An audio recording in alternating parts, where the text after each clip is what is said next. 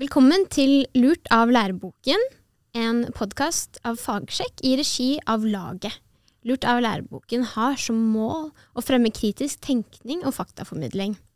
Vi er veldig glad for at dere vil være med på denne reisen her, som eh, vi håper skal være lærerik.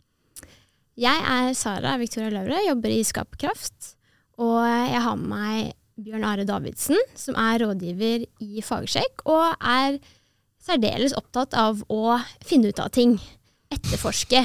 Særlig når det kommer til eh, fakta og myter. Og så har vi med oss en spennende gjest i dag. Didrik Søderlind. Vi skal komme mer tilbake til deg.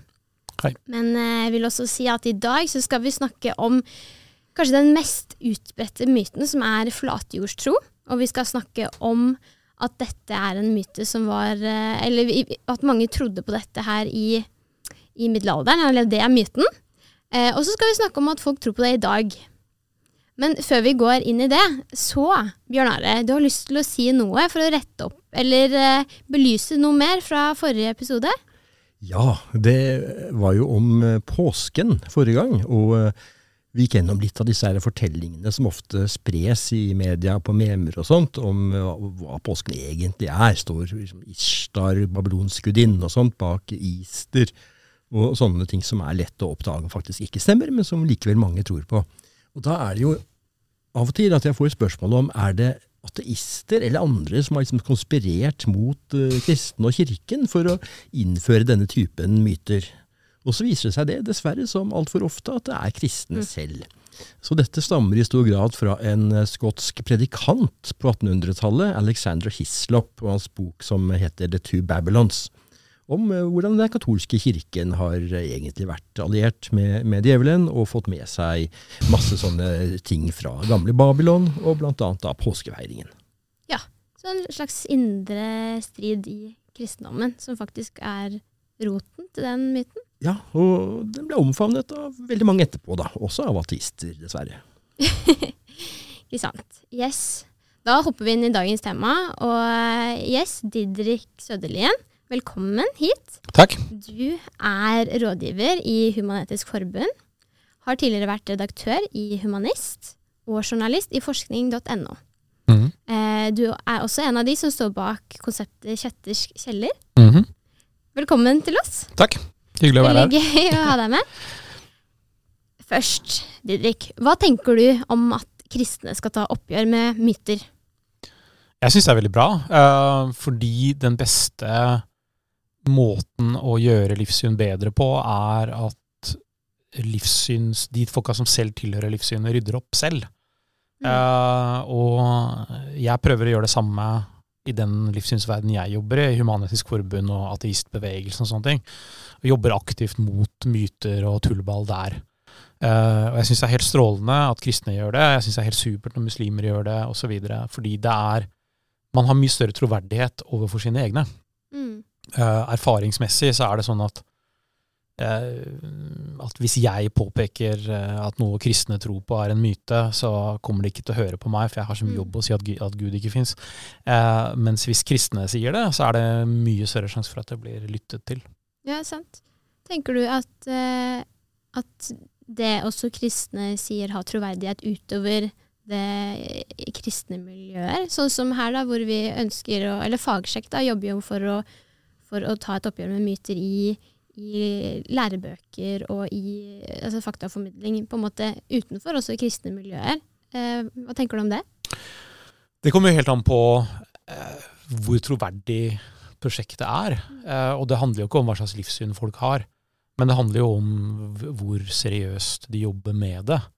For det er jo en del eh, apologeter som tar litt eh, snarveier her og der og gjør det litt enkelt for seg sjøl. Eh, og det oppfatt, jeg oppfatter ikke at dere gjør det. Så derfor så har jeg tro på det, på det prosjektet her, og, og er glad for å på en eller annen liten måte bidra. Ja, Kult. Det er gøy å høre.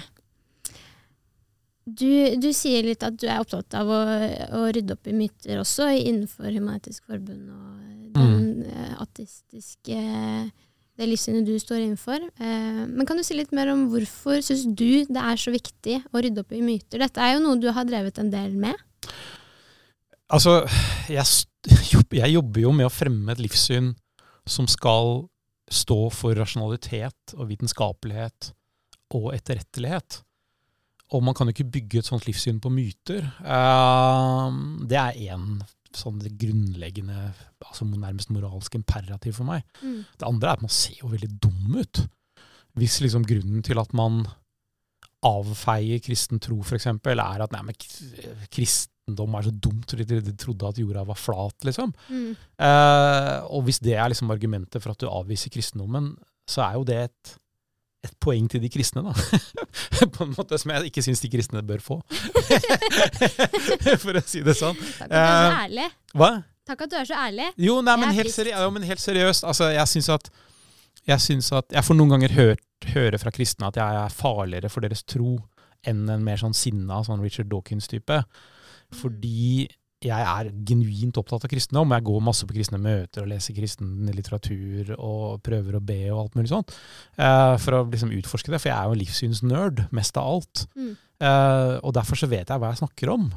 Og når jeg da sier at nei, det med kristen tro syns jeg ikke holder, så blir jo det mer Det er vanskeligere for kristne å forsvare seg mot, kanskje. da, Men jeg er jo ikke ute etter å ta, ta troa fra noen.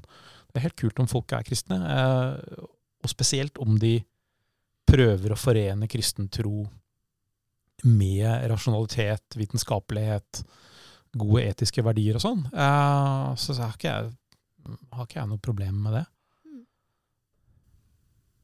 La oss gå inn i dagens tema, som er myten om eh, flatjordstro. Vi begynner med middel middelalderen. Bjørn Are, trodde folk i middelalderen at jorden var flat? Nei, hvorfor skulle de det? Det er jo eh, ikke så vanskelig å finne ut av hva folk trodde i middelalderen, for vi har veldig mange kilder. Både til hva folk eh, som var liksom lærde mente, og faktisk overraskende mye om hva som ja, folk flest mente. Og det vi da ser, er at hvis vi går gjennom eh, læremidler, eh, eller lærebøker de hadde den gangen, det var ikke så mye på powerpoint, liksom, eh, så er det faktisk veldig tydelig at eh, jorden er rund. De beskriver størrelsen, de beskriver eh, at den går rundt sola. Nei, tvert imot, at sola går rundt jorda. Eh, Så det er ikke et spørsmål om jordens form som er i sentrum, men, men eh, om det er jorden eller solen som er i sentrum, da. Og det som er saken her, er at vi finner det også i diktverk, sånn som i Dantes guddommelige komedie, hvor de går inn i jordets innerste kretser, på vei mot sentrum av jorden, og dette som da kalles inferno hos Dante. Vi ser det i bøker om landmåling, hvor de går rundt og måler hele jorden med sånne målestokker rundt eh, hele veien der. Og vi ser det i kunsten. Det er masse mosaikker og statuer av eh, ja, hvor vi ser jordkloden representert. da. Og dette er eh, såpass klart at til og med da hellige Olav, altså Olav Haraldsson, den norske kongen, som ble etter sin død eh, helgen, han er jo fremstilt med jordkloden i venstre hånd på veldig mange illustrasjoner og figurer. Og det betyr jo at de som faktisk var opptatt av sin kristne tro, gikk i kirken, og det var jo ganske mange stavkirker og andre kirker i middelalderen, de så jo bilder av Olav med jordkloden i venstre hånd. Slik at desto, man kan kanskje si det at desto frommere du var som eh, kristen, jo mer visste du at jorden var rund.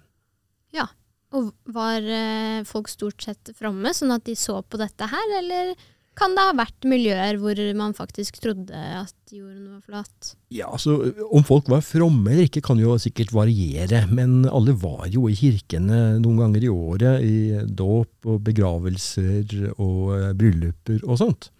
Slik at uh, man så jo disse bildene jevnlig. Og det var ikke noen sted de da kunne, alternativt sted de kunne gå og finne noen påstander om at jorden var, eh, var flat. I tillegg så var jo nordmenn eh, også den gangen et sjøfarende folk. da. Det hadde vært lenge, også i Mm. vikingtiden.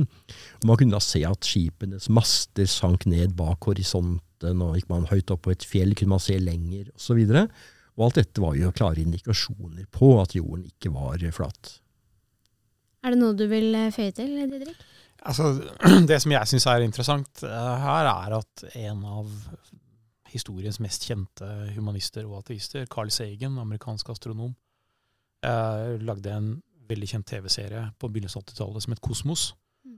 Eh, og i en av episodene der så skildrer han hvordan man lenge før år null regnet ut ikke bare eh, jordens form, men også forbløffende nært hvor stor jordkloden faktisk var. Så dette hadde man visst da i, i 2000 år, liksom, eh, hvor, at jorda faktisk var rund. Men hvor kom denne myten inn i historiefortellinga vår? Den snek seg sånn gradvis inn. Den begynte liksom å stikke hodet opp i løpet av eh, andre halvdel av 1700-tallet. Så man finner den f.eks. hos den amerikanske opplysningstenkeren eh, Thomason Jefferson, som skriver et sted at eh, denne astronomen Galilei havnet i fengsel fordi han hevdet at jorden var eh, rund.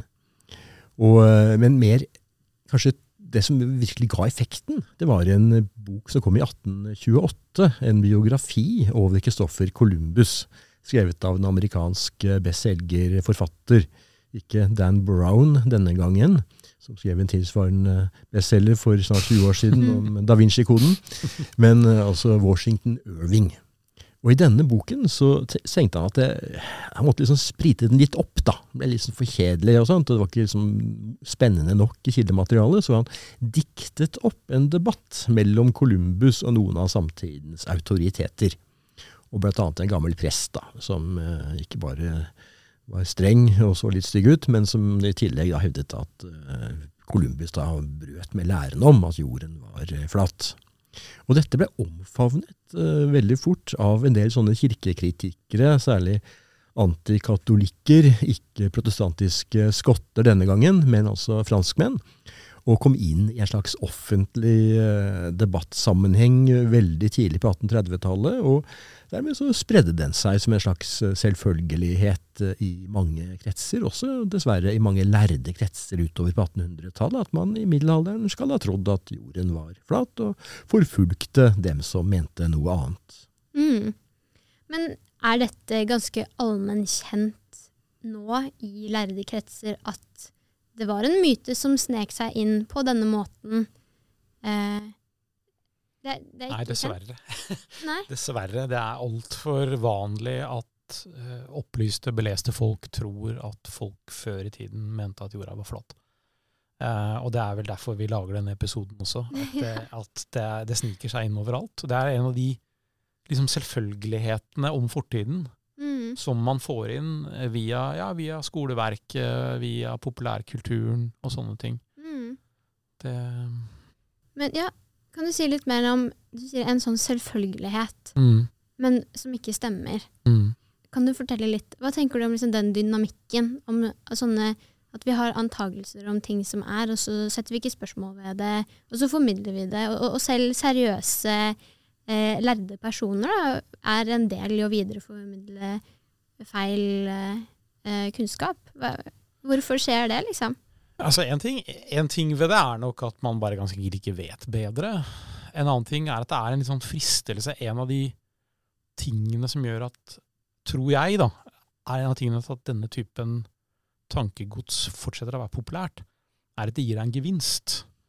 Eh, fordi du føler deg bedre enn fortidens folk. Du føler deg bedre enn liksom, de som gikk rundt i gamle dager og trodde at jorda var flat. Jeg er moderne, opplyst, rasjonelt menneske. Eh, og jeg tror det er vanskeligere å bli kvitt sånne myter og fordommer som gir deg en gevinst. Som Mm. gir deg en følelse at nå er du opplyst, og nå, du, nå har du liksom kommet deg videre. Og sånn. Eh, og jeg syns det, er- synes det, det er veldig trist at det er sånn, men, men det er nok eh, mye mer arbeid som må gjøres for å bli kvitt denne typen tullball. Men uh, hvorfor, hvorfor får det oss til å føle oss bedre, at vi var smartere enn folk før i tida? Folk liker å ha noen å se ned på, da. Ja. Ikke sant? Og det er eh, altså Hvis man er kristen, så ser man kanskje litt ned på folk som ikke tror. og Hvis man er ateist, så syns man kanskje at kristne er litt teite som tror på alt teit som står i Bibelen. Altså Det er litt sånn eh, Det er en grunnleggende menneskelig fristelse. Og det å liksom se ned på folk som levde før i tida, litt sånn ikke sant? Man har en sånn idé om en utvikling et framskritt, en utvikling, en sånn bevegelse mot rasjonalitet, og så er man selv litt på toppen av utviklingsstigen. Da. Mm. Ikke sant? Og det er jo en kult, et kult sted å være, og det kan gi deg en ganske god sånn følelse at uh, du har skjønt masse og, og sånn. Uh, og da blir det også litt upopulært hvis noen kommer og sier at vet du hva, det der er en, det du sitter og sier der, det er ljug. Mm. Ikke sant? Du har ikke lyst til å høre det. Mm. En, en, myte som har vært veldig populær i, i min livssynsverden, har jo vært denne her med at liksom millioner av hekser ble brent på bål i den mørke middelalderen. Mm. Og sånn, og, og det å, eh, å stikke hull på den myten mm. For det første så var det ikke middelalderen, for det andre så var det ikke nødvendigvis kirken som sto bak det. Mm. For det tredje var det utrolig mye færre enn en millioner. Altså det å, det å stikke hull på de mytene er ikke nødvendigvis så populært. Eh, hvis det er noe du har investert litt i. ikke sant? Mm. Hvis du har investert i at liksom, ja, kristendommen er slem og dum fordi den sto bak det der. Så ja. Hvordan, eh, hvordan skal vi løse det? Hvordan skal vi Ja, hva skal vi gjøre med det? Jeg tror jo på god gammeldags folkeopplysning, jeg. Ja. det, er en av mine, det er en av mine kjepphester. Men jeg tror også at det er nettopp denne her typen ting hvor man Folk som har troverdighet overfor sine egne miljøer, eh, rykker inn og, og, og, rydder opp, tror jeg er veldig viktig. Mm. Begynner med flere statuer i kirker og livssynshus på gaten av folk som har eh, vist hvordan tingene skal liksom forklares. da. Så, så, vi ser liksom, alle folk, selv folk flest, kan da mm. gå rundt og se hvordan tingene henger sammen. Mm. Mm. Mer statuer. Men, men eh, litt tilbake til det du sa i stad, Bjørn Are. Eh, du sa at vi vet masse om hva folk eh, mente og sånn. Eh, hvordan, hvordan kan vi vite, vite det? Ja, altså Det vi har, er jo bøker skrevet i middelalderen. Vi har tatt vare på mange bøker, manuskripter. Øh, ganske holdbare, på pergament ofte. Og Det betyr at vi kan jo faktisk lese hva som folk øh, har skrevet. Og det finner man også da mange lagt ut, øh, ofte i oversettelser, engelsk eller norsk, på nettet. Så det er bare for hvem som helst å gå inn og, og sjekke selv altså, hva folk faktisk mente. Og Jeg trakk jo fram lærebøker, og en av de mer kjente og store tenkerne i middelalderen heter jo Thomas Akinas, eh, kjent katolsk filosof og teolog. Og hans store verk om hvor han oppsummerer teologien og filosofien på mange måter, heter Summa Theologica, teologiens uh, oppsummering. Og i selve åpningen av den, altså første siden av boken, så nevner han da et veldig banalt eksempel for at studenten hans skal kunne forstå det poenget han ønsker å vise, at uh, ulike uh, vitenskaper kan komme fram til samme konklusjon. Mm. Da mener han i dette verket at teologien og filosofien kan det. Både troen og tanken kan kobles. Men det han da bruker som eksempel, er nettopp troen, ikke troen, men kunnskapen om at jorden er rund. Og den kunnskapen kan man finne fram til gjennom ulike vitenskaper, astronomi og, og fysikk og sånt. Mm. Um, de prosedyrene som, eh, som, skjer når man lager en lærebok, hva måtte, Hvordan går det til at, eh, at, man skriver inn myter der, i stedet for å gå til disse kildene som er tilgjengelige for, for, for alle?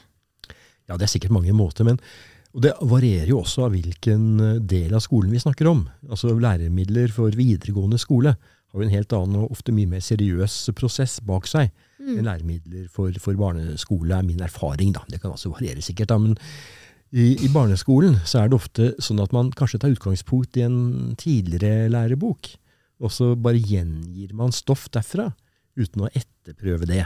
Mm. Og det er veldig vanskelig og veldig sjelden faktisk å finne kilder i læremidler for barneskolen, mens det er mer kilder i læremidler for videregående. Og Det betyr også det at denne påstanden om at man i middelalderen på Columbus sin tid og sånt, trodde jorden var flat, at sjømennene var redde for å seile utfor kanten, den finner man ikke lenger i læremidler for videregående, men de dukker fortsatt opp i læremidler på barneskolen, også etter dette kunnskapsløftet som uh, endret på, på, en del av skolens læreplaner i 2020. Mm. Altså, det som er litt interessant her, du sier jo at et problem er jo på en måte at man stoler litt for mye på de som har gjort jobben før deg. Eh, Men nå skal vi bevege oss litt over i det at det finnes en del folk i dag som tror at jorden er flat. Og da er jo et problem, sånn jeg har forstått det, er jo en slags mistillit til visse miljøer, og så kanskje Mm. overdreven tillit til andre miljøer, da. Um, Didrik, du er ganske opptatt av konspirasjonsteorier og ja, disse dynamikkene. Og kan du si litt om dette med flatjordstro i dag? Er det, er det mange som tror på det i dag? Uh, nei, det er det ikke. Uh, men hvis man skal forstå det fenomenet, så må man forstå at det er en del av Det er nettopp en del av det konspirasjonsteoretiske miljøet, Mm. hvor folk tror på veldig, veldig mye rart, og hvor man har en, som du antyder, en ekstremt selektiv kildekritikk.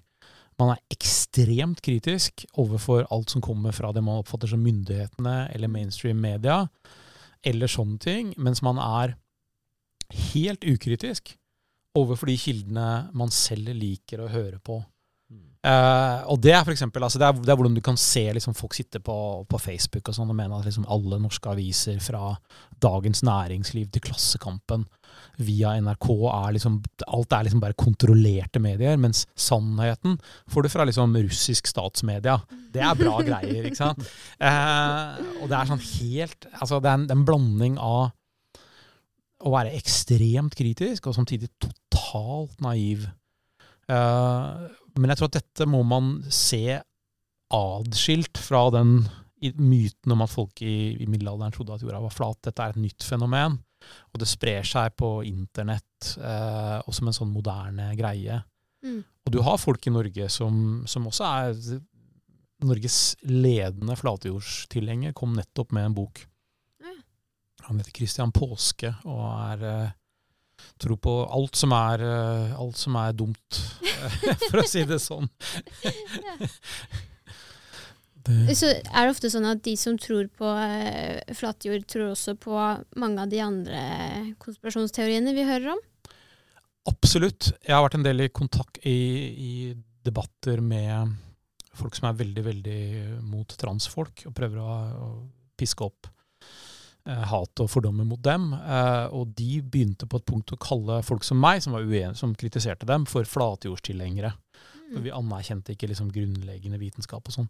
Og da bare sjekket jeg, da bare visste jeg sånn instinktivt at ok, Christian Påske er konspirasjonsteoretiker. Mm. Da er han også mot transfolk. Og så bare googlet jeg litt, og så fant jeg en artikkel han skrevet om at eh, praktisk talt alle Hollywood-kjendiser er transfolk. Hemmelige transfolk. Ikke sant? Eh, og det er del av sånn stort, stor skummel sammensvergelse for å undergrave ja, kjønnenes naturlige orden, eller hva det nå er. Så, så det, dette henger Flatjordstro henger alltid sammen med andre konspirasjonsteorier, og det er en av grunnene til at det er farlig, fordi det er lett å tenke at flatjordstro det er liksom det litt sånn harmløs, eksentrisk greie. Eh, men det er ikke det. Det henger alltid sammen med ganske mye mørkere ting også. Mm. Uh, og derfor så må det, må det kritiseres og bekjempes. Så du sier at det er ikke liksom, troen på at jorden er flat i seg selv som er det farlige her, men det er den konspirasjonstroen og måtte, Det høres nesten ut som en sånn et livssyn. på en måte Man har et helt eh, en, en sånn eh, sammensetning av uh, forskjellige konspirasjonsteorier som bygger et bilde av sånn er verden. Eh, og at det er flere Det høres jo nesten litt sånn religiøst ut. Uh. Jeg pleier ofte å si at på den siden så kan du si at konspirasjonsteori er en slags sånn moderne demonologi, en moderne demontro. Hvor du bare liksom har onde myndigheter, og gjerne jødene, da, fordi de nesten alle er antisemitter på et eller annet nivå, Mm. uh, istedenfor demoner. Men en annen måte å se det på, som jeg egentlig syns er bedre, er at konspirasjonsteorier er som religion, bare minus alt det som er bra med religion. Uh, det er alt det verste med religion. Det, er liksom, det gir deg fiender, det gjør deg redd mm. og bekymra. Det, det forteller deg om en nært forestående dommedag hvor alle skal lide og ha det fælt, osv., osv. Mm. Men det er ikke noe av det bra. Ikke noe av det som, gir, som får deg, gjør at du har lyst til å gjøre, være bra mot andre mennesker. eh, og sånne ting. Tvert om så gjør konspirasjonsteorier deg ofte, gir det deg ofte litt sånn eh, frikort til å være fæl mot andre. Mm. Fordi de du, de du eh, kjemper mot, de er så utrolig onde. Hvis de du, som er dine liksom, fiender, faktisk driver og ofrer barn og drikker blodet deres, sånn som en del av disse folka faktisk tror, Mm. så er det jo ingen grenser for hva du kan gjøre mot dem. Altså? Mm. Dette er folk som må stoppes til enhver pris. Det er ikke snakk om en sånn saklig uenighet, sånn som jeg har med kristne. Hvor liksom vi kan Jeg mener en ting, kristne Mm. mener en annen ting, og så kan vi finne ut av ting, og vi kan samarbeide, vi har mange felles verdier, eh, og vi kan faktisk leve veldig godt sammen. da. Mm. Eh, du kan ikke det. Hvi- Hvis jeg ble overbevist om at kristne f.eks. drev og, og altså, ofret barn, Mm. eh, så kunne jo ikke jeg gjøre det. Mm. det. Da ville jeg måttet liksom stoppe dere med alle, med alle midler, på en eller annen Mm. måte. Ja. Så, så, Ja. det, så dette er farlig. Det er, det er veldig farlig tankegods. Mm. Eh, og det sniker seg inn overalt, dessverre også i min bevegelse. Ja. Det, er, ja, det høres jo veldig farlig ut, eh, og jeg blir jo veldig nysgjerrig på løsningen. Og det skal vi komme tilbake til snart. Men, men eh, du sier at det har sneket seg inn i din bevegelse, og Mm. Bjørn Are, du står jo i en annen bevegelse, den kristne tradisjonen. Og er, er det mange kristne som faller for uh, disse konspirasjonsteoriene? Det er nok det. altså Ordet 'mange' må nok kvalifiseres litt. da, så hva, hva legger vi i det? Mm. Eh, og Det kan variere fra land til land, miljø til miljø osv. Uh, heldigvis er det ikke så mange i Norge. I USA kan det være en del flere, kan det virke som. Man ser på den veldig polariserte sammenhengen der borte, med stor mistillit til, eh, til staten og myndighetene. Mye mer enn i Norge. For i USA har man jo en sånn tradisjon hvor man skiller mellom det statlige og det føderale. Se hvordan disse FBI-agentene fremstilles i mange filmer. Er sånn litt sånn slemme dumme når de kommer liksom til det lokale og skal ta over for politiet der. Mm. Men, men, men eh, du ser dessverre sånn at til og med flatjordstroen kan opprinnelig altså den vi kaller for den moderne flatjordstroen. da. Den begynte på 1800-tallet. Muligens fordi folk hadde lest han jeg nevnte i stad, Washington Irving, og Mm. trodde at dette var den opprinnelige kristne troen. Og så har man en slags misforstått lojalitet. da. Brukt dette som en slags markør for å vise at man står for de opprinnelige verdiene. Mm. Og så Det vokste gradvis fram da gjennom 1800-tallet og kulminerte på 1900-tallet i mer sånn eh, institusjonelle flatjordsbevegelser med masse, ikke så veldig mange, da, men noen medlemmer. Uh, skapte jo kanskje mer støy enn en egentlig interesse, men, men det ble en slags måte å markere seg på som selvstendig tenkende. Det er sånn paradoksalt, da. Uh, at du liksom fikk en sånn, uh, noe som strider med all mulig slags vitenskap. Det er liksom et, uh, det beste eksempelet folk kunne komme på, at de, de var liksom virkelig selvstendig tenkende. Mm. Og jeg tenker også det at skal du markere deg i dag, vise at du som er en som er annerledes enn andre, så må du Mm. på en måte komme med det mest outrerte, da. Mm. Og da vil flatjordstro skille seg godt ut. at Så du for det, så er det liksom, da har du virkelig vist at her er det en som, som ikke er redd for å si høyt hva han mener. Og, og, og som da vet at han kommer til å bli latterliggjort, eh, men det står han likevel eh, sterkt eh, på. Mm. Så er jo poenget det at en del kristne nok kanskje føler seg litt fremmedgjort fra storsamfunnet, og da er dette også en måte å kanskje markere seg litt på. Da. Eh, Men man finner heldigvis veldig lite av dette i, i Norge, akkurat denne troen, men mer i USA. Men eh, eh, vi, altså dette med liksom sosial, sånn, Det sosio sosiologiske virker som at det har ganske mye å si. Dere sier liksom å markere seg, skille seg ut, og liksom og, og virker det som at det har noe å si for egen selvfølelse og for gruppefølelse. Eh, kan, dere, kan si noe mer om de, de sosiale dynamikkene når det kommer til å tro på både flat jord og konspirasjonsteorier generelt? Det handler jo ofte om å være, ha en sånn opplevelse av seg selv som en dissident, og en som går mot strømmen, og ikke lar seg kjøpe av makta og kapitalen og sånn. Eh, og det eh, Og når du kombinerer det med en sånn veldig selektiv kildekritikk, hvor du Jeg var en gang på foredrag med den norske konspirasjonsteoretikeren Hans Gaarder, hvor han eh, forklarte kildekritikk eh, sånn som han oppfattet det. Og det var liksom at når du, når du gikk på nettsider, jo lenger URL de hadde, altså jo mer knotete adresse nettsiden hadde, og jo mer utdatert og kjip designen var, jo bedre informasjonen var det. For det betydde at de skumle kreftene ikke hadde manipulert informasjonen og kontrollert informasjonen som var der. Mm. Ikke sant? Eh, og det er jo sånn helt totalt sprø Det er liksom på nivå å mene at liksom den sanneste informasjonen finner du på en dovegg. Eh, og, og, det, og det blir en sånn utrolig merkelig greie, da. Men, men, men eh, en sosiolog som het Colin, Campbell Colin Campbell har skrevet en veldig legendarisk artikkel som heter 'Det kultiske miljøet'. Hvor han beskriver et miljø hvor folk tror på alt som er forkastet av storsamfunnet. Eh, og man, man, skaper Man tror ikke nødvendigvis på alt som flyter rundt der, men det er sånn en sånn verden hvor liksom på en måte merkelige ideer, eller uvanlige ideer om ernæring, om religion, om vitenskap, om politikk og sånn, eh, flyter rundt, og hvor det blir et sånn utenforfellesskap. Mm. Hvor man finner sammen i en slags sånn idé om seg selv som en outsider og en som taler makta midt imot.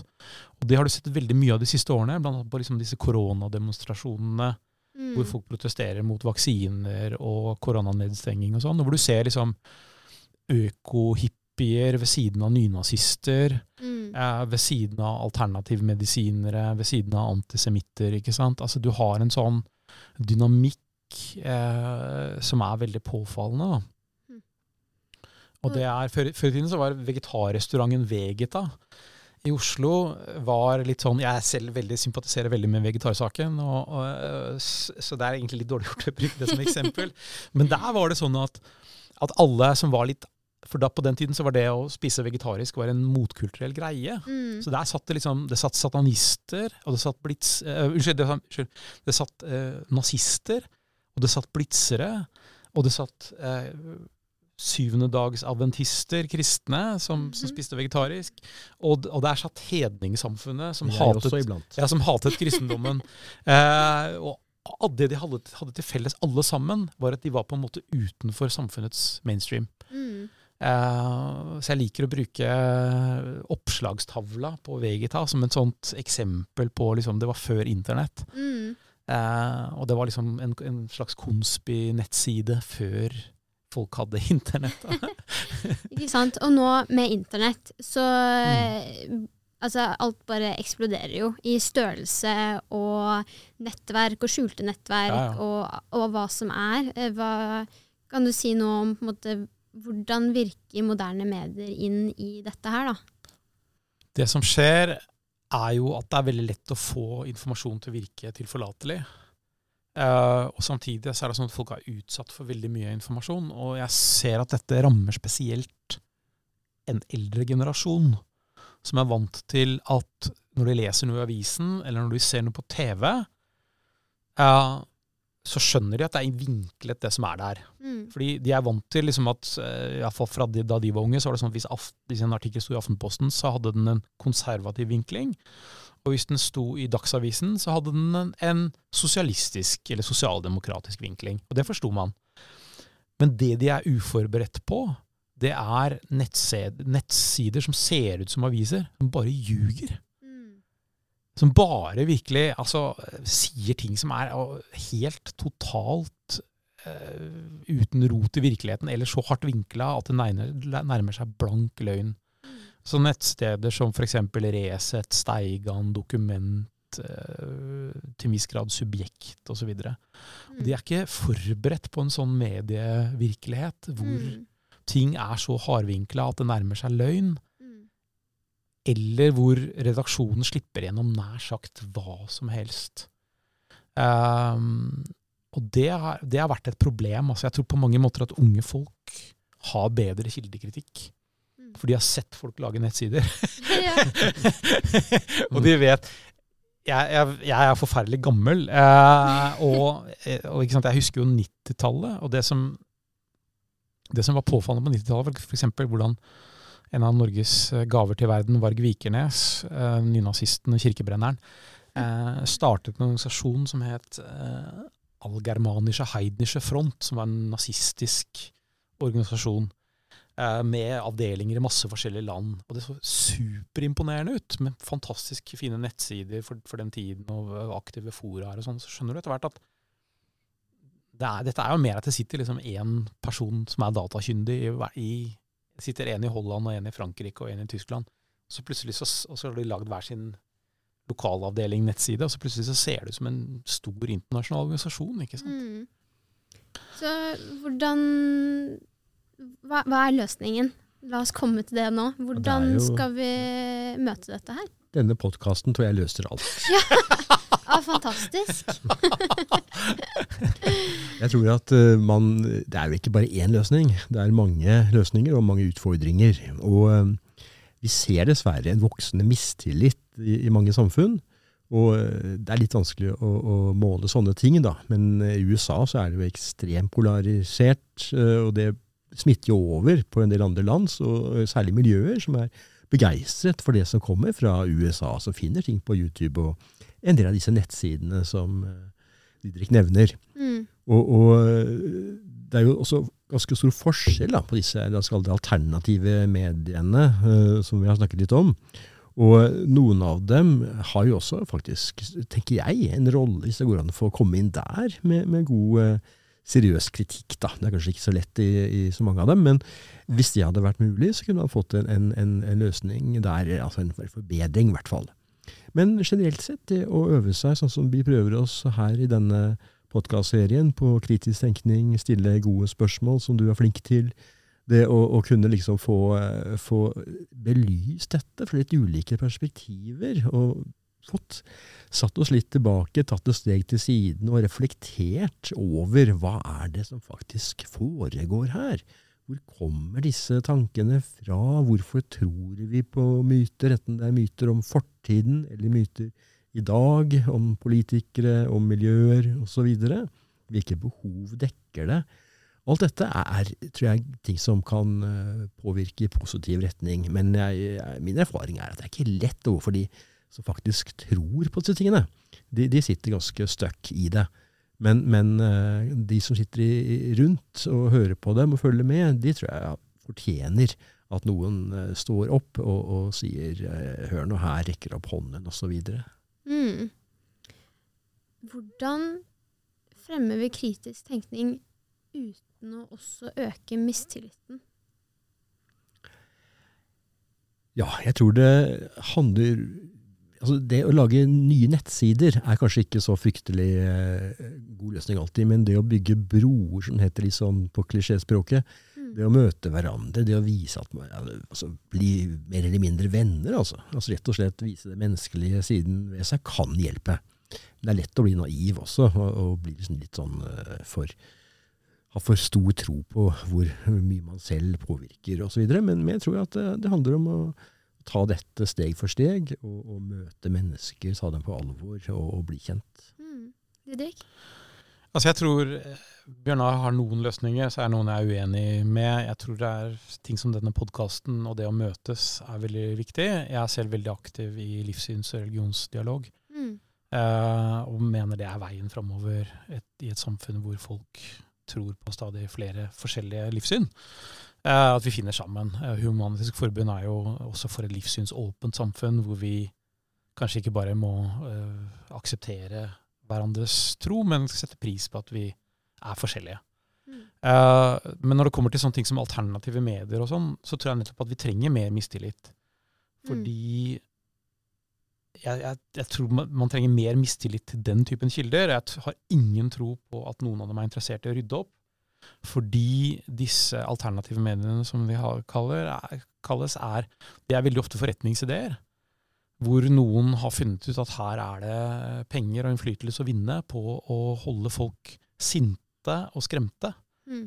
Uh, ved å servere dem hardvinkla ting. Uh, Lars Akerhaug, som var redaksjonssjef i, i uh, Resett, og, og ble, var ansett nettopp for å gjøre sjappa mer profesjonell, og bare ga opp. Mm. Eh, har nettopp har beskrevet veldig godt hvordan, de, hvordan sakene blir hardvinklet for å holde folk liksom sinte og krenkt og triggered hele tiden.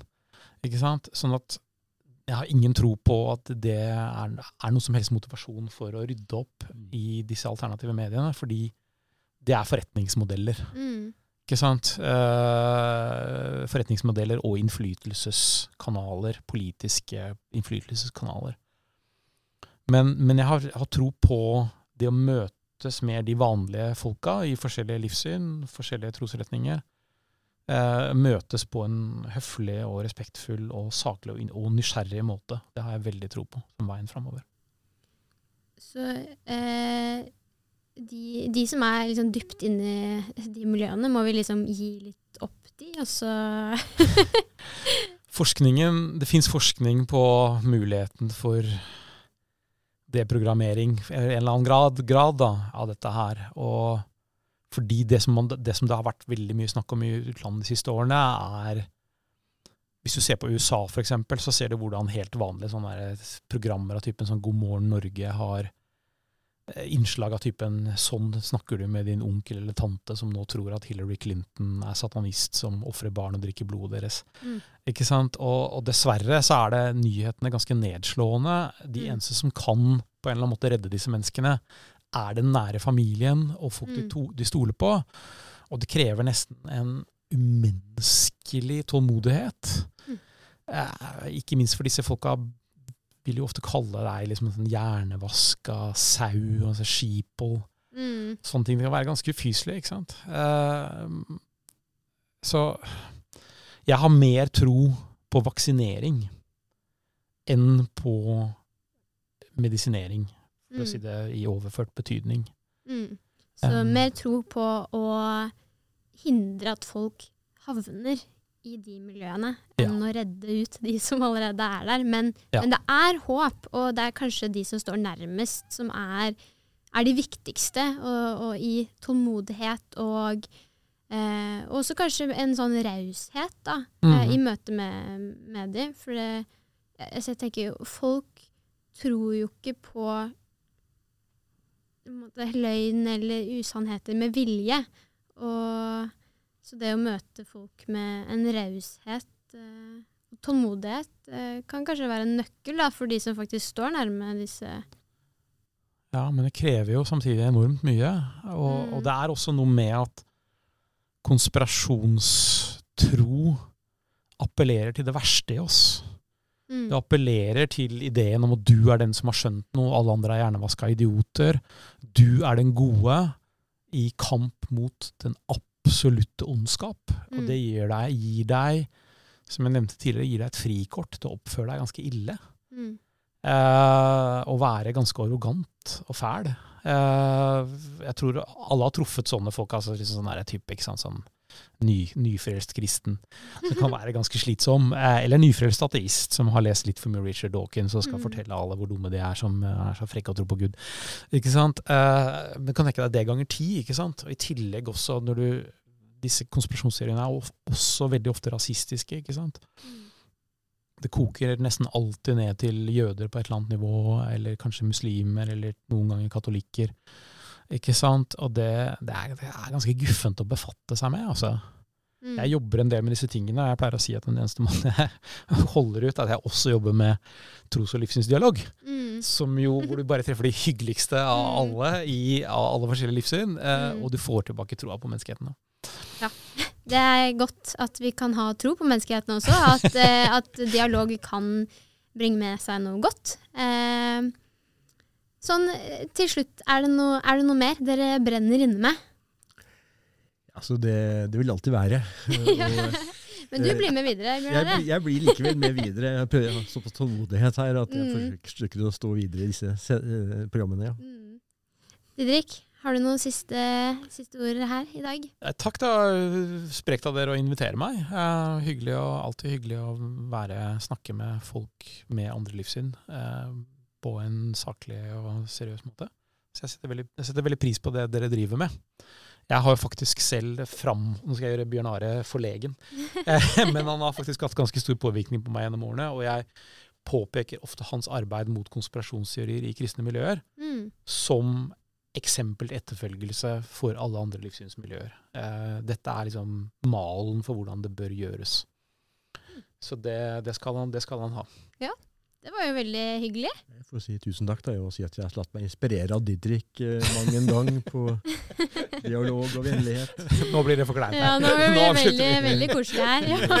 Vi, vi slutter der, ja. Yes, men eh, la oss bare eh, stille deg et spørsmål, Bjørn Are. Hva, hva skjer neste gang? Ja, ikke om jeg tør la det bli noe neste gang nå, men eh, Det er vel ikke helt i boksen ennå, men hvis det går som jeg tenker, så vil det være spørsmål rundt om det er prisbelønte bøker, prisbelønte populærvitenskapelige bøker, som har flest uh, feil og myter. Oi. Oi. Spennende påstand. Den skal vi utforske neste gang. Det skal vi. Yes. Tusen takk til alle dere som har vært med oss i dag. Jeg håper dere ville følge med videre. Sjekk ut Fagsjekk på sosiale medier og på fagsjekk.no. Yes, takk for i dag. Takk.